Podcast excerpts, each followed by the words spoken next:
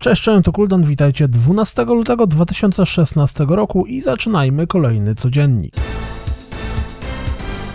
Invertus, czyli minimalistyczna gra łącząca myślenie i akcję otrzymała zwiastun, który pokazuje wszystko, czego powinniśmy się po niej spodziewać. Walki dwóch jednokolorowych kwadratów. Tytuł zmierza na Steama i PlayStation 4.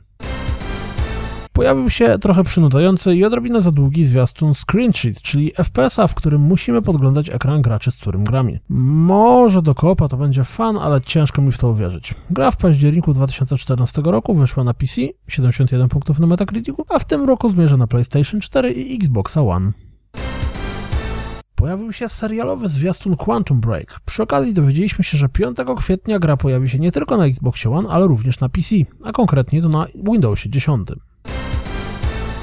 Jak chcecie zobaczyć intro do Naruto Shippuden Ultimate Ninja Storm 4, to proszę bardzo.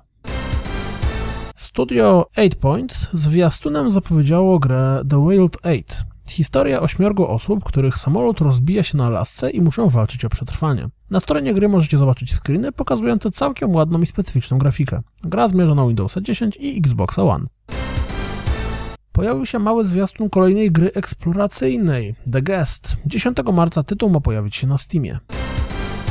Przyciągający oko interesującą grafiką Survival The Flame in the Flood zadebiutuje 24 lutego 2016 roku na PC i Xbox One.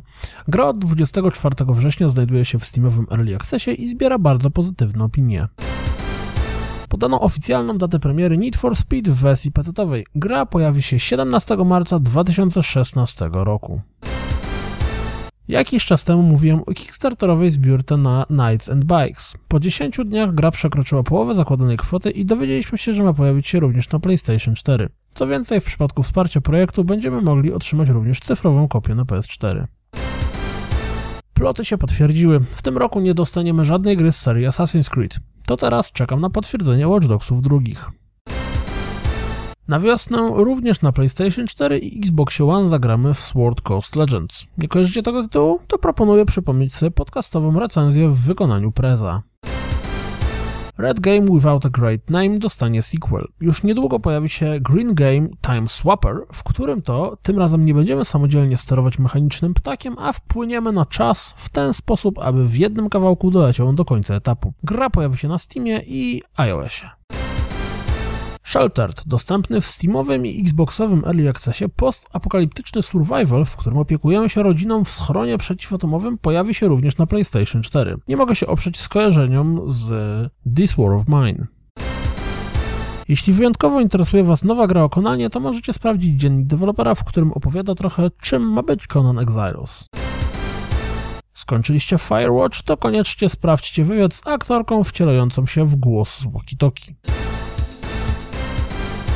To wszystko na dziś jak zawsze. Dziękuję za słuchanie, jak zawsze zapraszam na www.rozgrywkapodcast.pl. Jeśli doceniacie moją pracę, wesprzyjcie mnie na Patronite. Miłego weekendu i mam nadzieję słyszymy się w poniedziałek. Cześć!